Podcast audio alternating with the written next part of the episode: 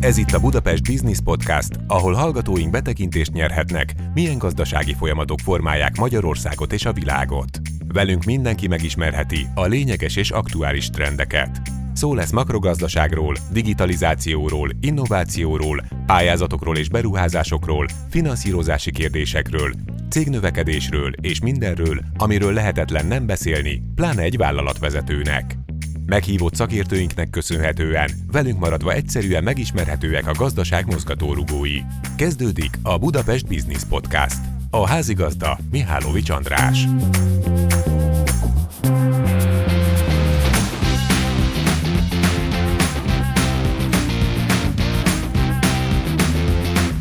Köszöntöm hallgatóinkat, illetve nézőinket a Budapest Business Podcast adásában. Néhány szót arról, hogy miről is van szó, minek a hallgatásába, megnézésébe kapcsolódtak bele. Egy gazdasági témájú podcastről van szó, ahol minden olyan fontos trendről, tendenciáról, jelenségről szót ejtünk, amelyek befolyásolják a vállalkozások mindennapjait, nem csak Magyarországon, hanem a világban is. A cél az, hogy az elhangzottakkal segítsünk egy kicsit jobban kiigazodni a gazdasági kérdések kusza világában, és további cél, hogy inspirációt, segítséget adjunk azoknak a vállalkozásoknak, akik szeretnének egy kicsit jobban teljesíteni annál, mint ahol most tartanak. Az adások során én Mihálovics András fogok beszélgetni a Budapest Bank által meghívott szakértőkkel, amelyek között vannak közgazdászok, pénzügyi szakemberek is. Hogy hol lehet mindezt elérni, a, az összes podcast platformon jelen vagyunk természetesen a Budapest Business Podcast-tel, a YouTube-on és a, a social media csatornáin egyaránt. Én mégis inkább azt ajánlom önöknek, hogy a Budapest Business Live szakmai aloldalt keressék fel. Ez a Budapest Bank honlapján a vállalatok menüpont alatt érhető el, és számos aktualitás, kutatás, szakmai rendezvények is megtekinthetők ezen a felületen, úgyhogy itt egy kicsit többet kapnak annál, mint hogy meghallgathatják, vagy megnézhetik ezt a podcastet. Egyébként két hetente jelentkezünk új epizód epizóddal. Van viszont a történetben egy, egy kis csavar, hogy mindig egy fő témát boncolgatunk, és ezt a fő témát szedjük ketté, két adásban tárgyaljuk ki. Így lesz ez most is. Elmondom ugyanis, hogy mi lesz a mai menetrendünk. Pályázatokról, beruházásokról és a finanszírozási kérdésekről fogunk beszélgetni.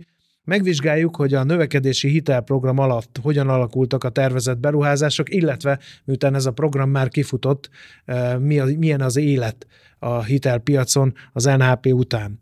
A második epizódunkban az elhalasztott beruházásokról, illetve a jövőbeni zöld beruházásokról, hitelezésekről és a digitalizáció hatásairól fogunk beszélgetni. Mind a két adásban vendégünk a Budapest Bank termékértékesítési vezetője Váci Dávid. Köszöntelek itt a podcastban. Köszöntöm én is a nézőket és a hallgatókat. Ha jól tudom, ugye a mai témánk a növekedési hitelprogram alatt hogyan alakultak a tervezett beruházások, illetve hogy utána hogyan alakult ugyanez a mutató. Ha jól tudom, a Budapest Bank készített ezügyben egy elég részletes és mélyen szántó felmérés. Mit kell tudni erről a felmérésről? Igen, ez a felmérés ez nagyon friss, gyakorlatilag múlt héten kaptuk készhez mi is az eredményeket. Az ősz elején lettek megkérdezve a vállalkozások. 300 millió feletti árbevételű cégeket kérdeztünk arról, hogy az elmúlt két évben milyen beruházásokat valósítottak meg, illetve milyen beruházásokat terveznek a jövőben. Ami nagyon fontos, hogy csak a, azt tekintettük beruházások ebben a kutatásban, ami 10 millió forintot legalább elért kérjünk is rá erre a, a fő témánkra beruházás. Egy átlag vállalkozó rendkívül sokat találkozik ezzel a, a fogalommal, újságcikkekben lehet olvasni, általában okos makro elemzők arról beszélgetnek, hogy rendkívül fontos mutatója ez a gazdaságnak, hogy milyen a beruházási hajlandóság, mennyi tőke érkezik az országba, honnan származik ez a tőke, milyen beruházások mennek, milyen beruházásokat kéne megcsinálni, tehát pörög ez a téma rendesen, de miért fontosak ennyire? A beruházások?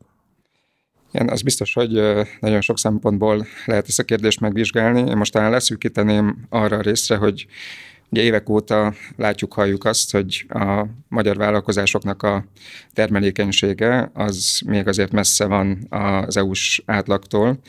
Itt az elmúlt időszakban, az elmúlt években, 2012-ig, hogyha visszamegyünk, akkor egyébként nagyon sokat lépett előre a vállalkozói szektor de még így is a legfrissebb adatok alapján egy magyar átlagos KKV-nak a termelékenysége az az EU átlagnak a 46%-án van, tehát még, még azt látjuk, hogy van hova előrelépni.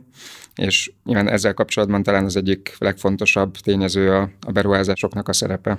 Ugye termelékenység elég alacsony, és ugye azt szokták mondani, hogy ha mi szeretnénk utolérni a nyugat-európai élet és bérszínvonalat, akkor ez a termelékenységre mindenképpen szükség van. A termelékenységet meg nyilvánvalóan úgy lehet befolyásolni kedvező irányba, hogyha beruházunk. Valahogy így jön össze ennek a logikája. Mit mutat ez a tanulmány? Hányan terveztek beruházást, és milyen jellegű beruházásokról van szó? Talán kezdeném a, a múltal. Ugye az elmúlt két évben azt láttuk, hogy a vállalkozásoknak a 47%-a hajtott végre beruházást, és egyébként egy kicsit kitekintünk a jövőre, akkor 26%-uk azt mondta, hogy tervezi is, hogy jövőre is, vagy a következő időszakban is fog beruházni. Egyébként korábbi felméréseinkből nagyjából hasonló arányokat láttunk. Én azt gondolom, hogy általában a, a, az idő azt hozza, hogy a, olyan beruházások is elkészülnek, vagy muszáj megcsinálni, amit egyébként korábban nem terveztek be tudatosan a, a, a vállalkozások. Ugyanakkor a, azoknak a vállalkozásoknak a száma, akik ténylegesen hajtottak végre beruházást, ez jóval nagyobb, mint a korábbi felméréseink, mert azt gondolom, hogy ez mindenképpen egy nagyon pozitív irány, és egyébként illeszkedik is abba a trendbe, amit összességében Magyarországon a beruházásokban látunk. Uh-huh.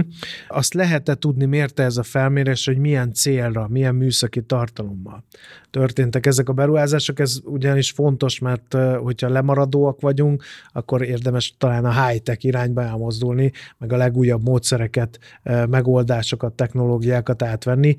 Ezen a területen hogy állnak a magyar KKV-k? Én azt gondolom, hogy természetesen Alapvetően a, a számosságot tekintve és az értéket tekintve mindig azok a beruházások fogják vinni a prímet, amik kapacitásbővítést jelentenek, technológiai fejlesztést jelentenek, illetve a már elhasználódott régi eszközöknek a, a cseréjét takarják. Egyébként itt most a kutatásban azt láttuk, hogy ez utóbbi, tehát amikor gyakorlatilag csak szinten tartó beruházást végzett valaki, ezt 42%-uk, tehát a beruházást végzők 42%-a mondta azt, hogy ilyen célt is szolgált a, az ő beruházása, de mellett egyébként 40% feletti érték volt mind a kapacitásbővítés, mind a, a technológiai fejlesztés, és egyébként nagyon hasonló arányokat látunk a, a jövőt tekintve is. Nyilván a technológiai fejlesztés az már önmagában hozhat nagyobb hozzáadott értéket, de talán ugye van még egy-két olyan terület, ami, ami a tekintetben fontos lehet. Ugye nagyon sokszor azt látjuk, hogy nem is feltétlenül mindig az a legfontosabb, hogy milyen terméket állít elő egy cég, hanem hogy azt milyen plusz szolgáltatásokkal kíséri. Ugye most már gyakorlatilag, ha autót veszünk, ha bármilyen eszközt veszünk, akkor nem is feltétlenül csak magát a fizikai terméket veszük meg, hanem egy, egy szolgáltatást. Egyébként ez belefér így a beszélgetésünkben, a, nálunk nemrég volt a, a házban egy nagyobb túlfeszültség, ami miatt szinte minden elektromos készüléket le kellett cserélni, és már nem nagyon volt olyan, legyen az redőnytávirányító, termosztát, garázskapó, ahol egyébként ne lenne applikáció, és ne tudnám a távolból is vezérelni ezeket, de ami egyébként talán engem meglepetés, és talán egy jó példa erre a, a, a szolgáltatás bővítésre, vagy a, a fogyasztónak a, a megtartására, hogy például egy vízlágyító berendezésnél is, ahol nyilván a maga a működés az viszonylag egyszerű, ott is azzal zárta a telepítő kolléga a, a történetet, hogy akkor vegyem elő a telefonomat, és akkor töltsük le az applikációt, ami egyrészt jelzi nekem, hogy a, egyrészt ugye megvan rögtön a mindenféle adatom, amivel a továbbiakban tudnak velem kommunikálni, másrészt jelzi, hogyha után kell tölteni sóval a, a tartályt, harmadrészt a műzleti szempontból talán fontosabb, hogy rögtön ajánlja is a saját szolgáltatásukat, tehát rögtön kikerüli a kereskedelmi részt, és gyakorlatilag tőlük közvetlenül meg tudom venni a a szükséges anyagot. Tehát az ilyen típusú szolgáltatásbővítés azt gondolom egy fontos terület. Itt 18% a, a, a beruházás végzőknek azt mondta, hogy csinált ilyen jellegű beruházást is. Uh-huh. Én még két területet szeretnék körbejárni, ha ebben, se, ebben segítesz. Az egyik ugye a napokban tele van a sajtó azzal, hogy energiaválság van. egész Európában. És ugye, ha valaki tankol a benzinkúton, akkor szembesül is ennek a hatásai, hogy egy, egyáltalán nem egy vicces történet. Energetikai beruházások területén hogy áll? A beruházók 19%-a mondta azt, hogy vagy megújuló energia termeléshez kapcsolódó beruházást, vagy energiahatékonysági fejlesztést hajtott végre. Én azt gondolom, hogy egyébként ez nem egy rossz arány. Nyilván a, nem csak a benzinkutakon, nem csak a szállító cégek, hanem a, a termelő cégek is érzik mindenféle energiának az emelkedését, úgyhogy, úgyhogy azt gondolom, hogy ez, ez abszolút jellemző lesz a, a következő időszakban is, és akkor még itt a zöld átmenetről nem is beszéltünk, majd ezt, ezt is megérinteni fogjuk. Én azt gondolom, hogy ez egy, ez egy nagyon fontos terület lesz. Ami meglepő volt, hogy a, amikor azt kérdeztük, hogy, hogy milyen beruházásokat terveznek a, a vállalkozások, ott csak a, a beruházás tervezők 11%-a mondta azt, hogy, hogy ő gondolkozik ilyen jellegű energetikai fejlesztésbe. Ezt főleg a múltbeli adat mellett is, meg így a környezetet elnézve, ezt úgy viszonylag alacsony számnak gondolom. A másik ilyen mutató, ami érdekes lehet, ez a K plusz F beruházások. Ugye Európa mindig azt szokták mondani, hogy egy versenyképességi hátrányban van, akár Ázsiához, akár az Egyesült Államokhoz képest, és az Európai Uniónak egy deklarált célja az, hogy felpörgesse az európai K plusz F tevékenységet, és hát bevallom őszintén azért, hogyha egy magyar cég szemével nézzük a világot, akkor, akkor talán jobb valami újat, valami sajátot kitalálni, mint valakinek a meglévő termékét adaptálni. Talán egyszerűbb is, ha magunk találunk ki valamit, ezért lehet érdekes, hogy K plusz F-re mennyit költ a KKV szektor. Igen, itt ezt két szempontból is néztük, amikor azt kérdezzük, hogy üzleti cél szempontjából mi a beruházás fő motivációja, illetve amikor a műszaki tartalmat kérdeztük, és nem meglepő módon nagyon hasonló számok jöttek ki, tehát ilyen 15% környéke volt, aki azt mondta, hogy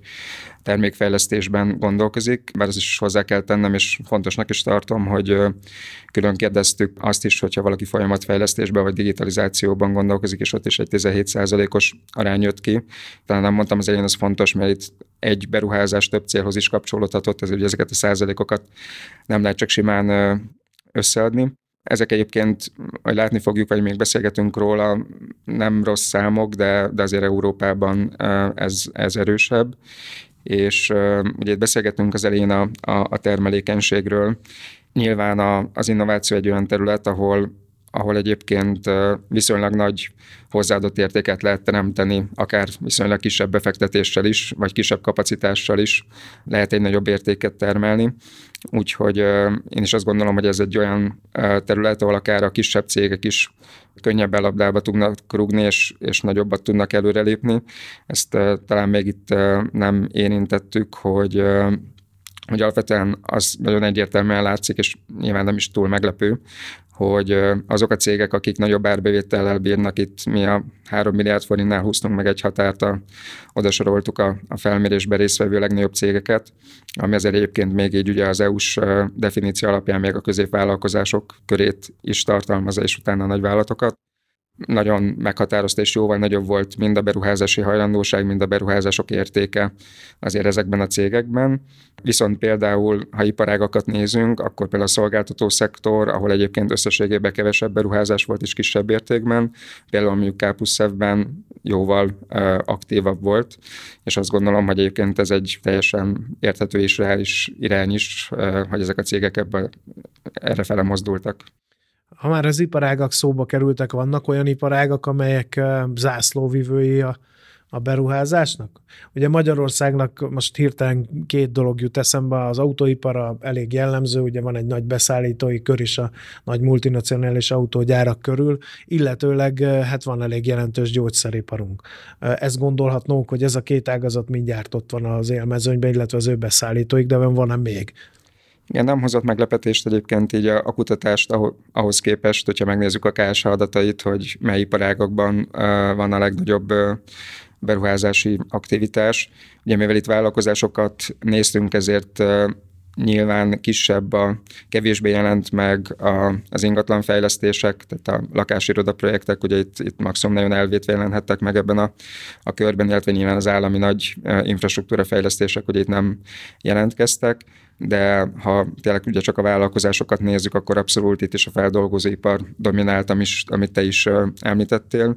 Itt nem mentünk bele, nyilván az elemszámok miatt nehéz is lett volna még ilyen alábontani az iparágakat, de az, az teljesen jól látszódott, hogy elsősorban a, az ipari cégek és a mezőgazdasági cégek, akik, akik leginkább viszik azért itt a, előre az ászlót.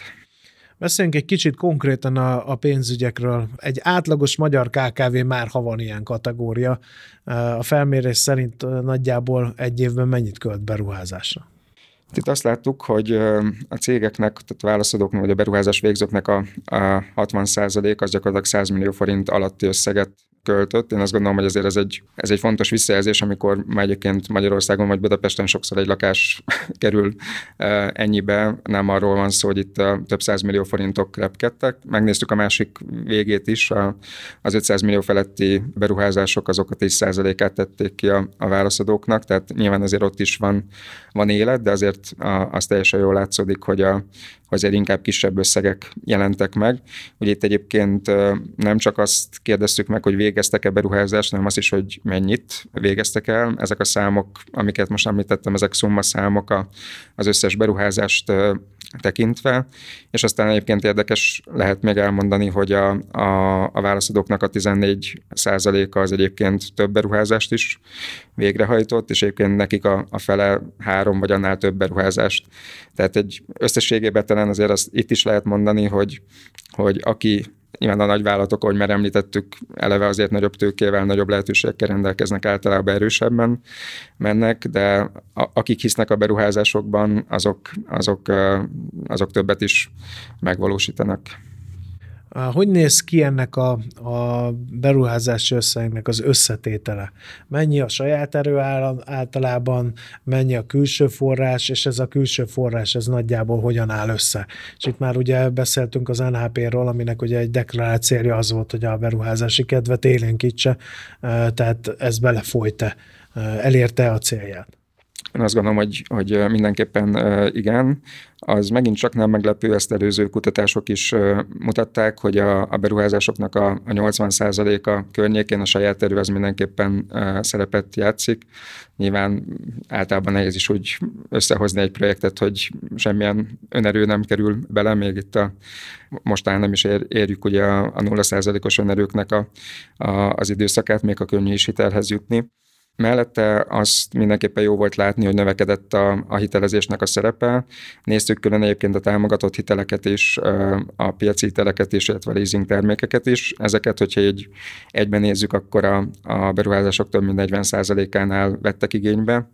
Ilyen segítséget is jóval magasabb volt egyébként ugye a támogatott hiteleknek a, az aránya és én azt gondolom egyébként, hogy ez is egy olyan terület, azért ha megnézzük a, a vállalati hiteleknek a GDP-hez viszonyított arányát, akkor a emlékeim szerint, bár volt ez magasabban is, de 2019-2020 környékén ilyen 19-20 százalékon állt ez a mutató, és azért az EU-ban az átlag az, az inkább, vagy az fejlettebb államokban ez egy, ez egy bő 10 százalékponttal magasabban van. Tehát azt gondolom, hogy még bőven van lehetőség, és egy kicsit visszatérünk arra, hogy termelékenységet próbálunk növelni.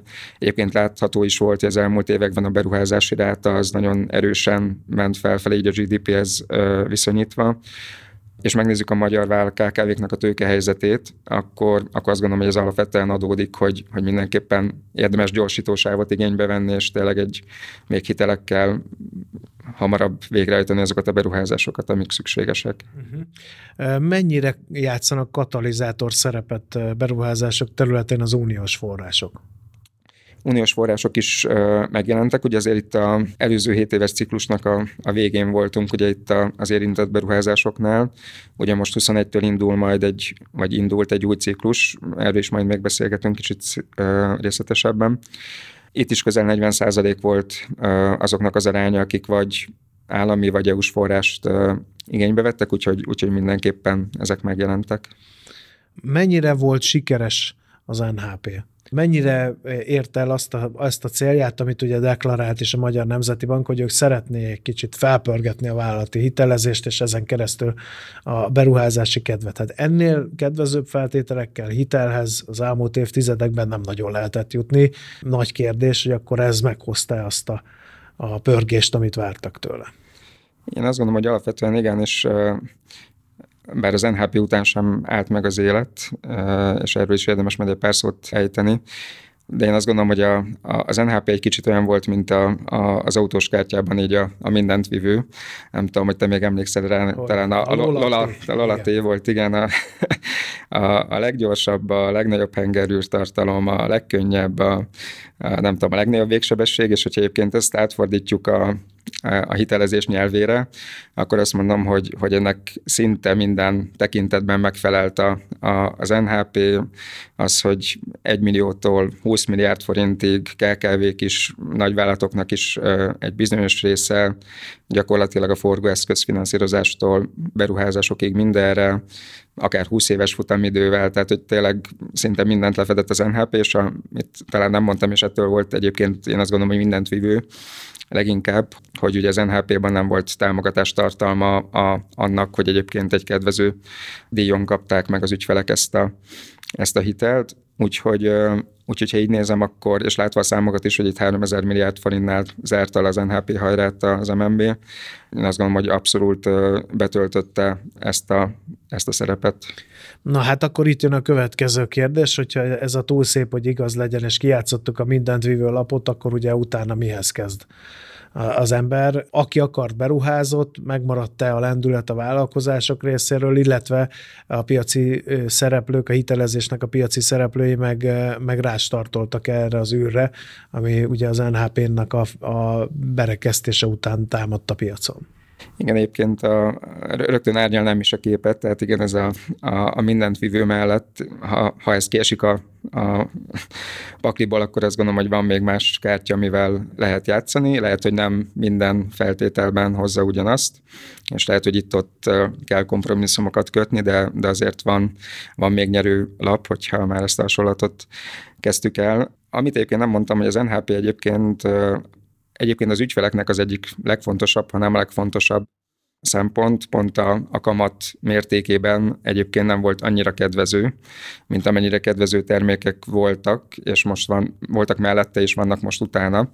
Ugye itt a két és fél százalék az egy adható maximum volt, ettől nyilván a tárgyalásokon, meg termékekben a bankok lejjebb mentek, hogyha gondolták, de vannak most olyan termékek, ahol, ahol fél százalékos hitelkamattal lehet gyakorlatilag beruházásokat megvalósítani.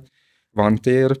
Ugye elsősorban a, a Széchenyi Kártya program, ami már szintén elindult tavaly, és idén nyáron kapott egy újabb lendületet biztosít nagyon kedvező forrásokat, illetve az Exim banknak is vannak nagyon jó hitelei, amik a beruházásokat tudják segíteni. Korábban a kárenyhítő hitel, most pedig a, a fordulat tavasz óta, ami, ami gyakorlatilag elérhető, úgyhogy, úgyhogy van, van aki betöltötte. És az MFB? Ő is egy korábban azért nagy lendülettel működött ezen a területen. Az MFB elsősorban az MFB pontokon keresztül ért el leginkább a KKV-kat. Talán azt tudom mondani, hogy a, az MFB-nek a, a saját hitelei és refinanszírozott hitelei, azok elsősorban azokat a nagyobb projekteket, nagyvállalati hiteleket segítették, amiket az NHP kevésbé fedett le. Ugyanakkor KKV-knak ugye EU-s támogatásból az MFB pontokon abszolút elérhető volt, voltak különböző beruházási hitelek, ugye itt az uniós ciklusnak a zárásával ezek elfogytak, de ezek is várhatóan nem sokára újra nyitnak majd a piaci szereplők, egy bank mennyire tudott és akart szerepet vállalni ezen a területen. Mert most beszéltünk a Széchenyi kártyáról, beszéltünk az Exim Bankról, az MFB-ről, beszéltünk az NHP-ről, ezek mind-mind az államhoz köthető, és nem vegy tisztán piaci konstrukció.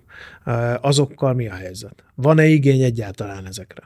Hát, hogyha a beruházásokat nézzük, akkor én azt gondolom, hogy alapvetően azért ezek a hitel lehetőségek nagyon jól lefették a, a vállalkozó igényeket, és lefedik egyébként most is. Nyilván, amikor az állam ott van egy-egy hiteltermék mögött, elsősorban azért van ott, hogy segítse ezeknek a hiteleknek a, a penetrációját, és őszintén szólva nem sok értelme van elindulni ugye egy versenyen, hogy eleve 100 méter hátrányban vagyunk egy, egy 200 méteres futóversenyen, úgyhogy, úgyhogy én azt gondolom, hogy alapvetően azért tényleg ezek a támogatott termékek, amik megjelentek, és amik leginkább vitték itt a, a prímet, ugyanakkor a, a, a bankoknak azt gondolom, hogy nagyon fontos a, a szerepük, nyilván azon kívül, hogy a csatornát biztosítják ehhez a, ezekhez a forrásokhoz. Ugye ezért alapvetően refinanszírozott forrásokról beszélünk, tehát ez azt jelenti, hogy a, ugyanúgy a bankok vállalják a, a kockázatot, ugyanúgy a banki csatornákon keresztül banki döntések születnek ahhoz, hogy valaki igénybe tudja venni ezeket a hiteleket, vagy sem. De egyébként ami a kutatásból is látszik, hogy amikor azt kérdezzük, hogy külső szereplőket mennyire vontak be a, a vállalkozások a, a beruházásoknak a előkészítésébe, lebonyolításába, akkor azért leginkább a, ha, ha a szereplőket nézem, akkor leginkább a, a banki kapcsolattartókat említették. Ugye nem meglepő módon, ahogy beszéltünk róla, a, a pályázatírók is megjelentek itt az EU-s pályázatok kapcsán, illetve a, amikor az volt a kérdés, hogy, hogy mi az, ami elsősorban megkönnyítette nekik a, a beruházásokat, akkor is elsősorban részben a banki segítséget, részben maguknak ezeknek a hiteltermékeknek az elérhetőségét említették. Kedves hallgatóink, kedves nézőink, mint hallhattuk, azért felpörgött a beruházási hajlandóság Magyarországon, és ez örvendetes tény, de van még hova fejlődni az Európai Unióhoz képest, és hát azt is hallhattuk, hogy ez a pénzügyi szektoron és az állami igazgatáson nem nagyon fog múlni. Váci Dávidnak, a Budapest Bank termékértékesítési vezetőjének köszönöm szépen a beszélgetést. Köszönöm szépen. Én arra buzdítanám önöket, hogy a következő adásunkat is hallgassák meg, ugyanis abban az epizódunkban tovább folytatjuk ezt a témát, ezúttal azonban az elhasztott beruházásokról, illetve a jövőbeni zöld beruházásokról fogunk majd szót ejteni Váci Dáviddal, illetve megvizsgáljuk majd azt is, hogy milyen hatásai vannak a digitalizációnak a beruházásokra. Én megköszönöm a figyelmüket, a viszontlátásra.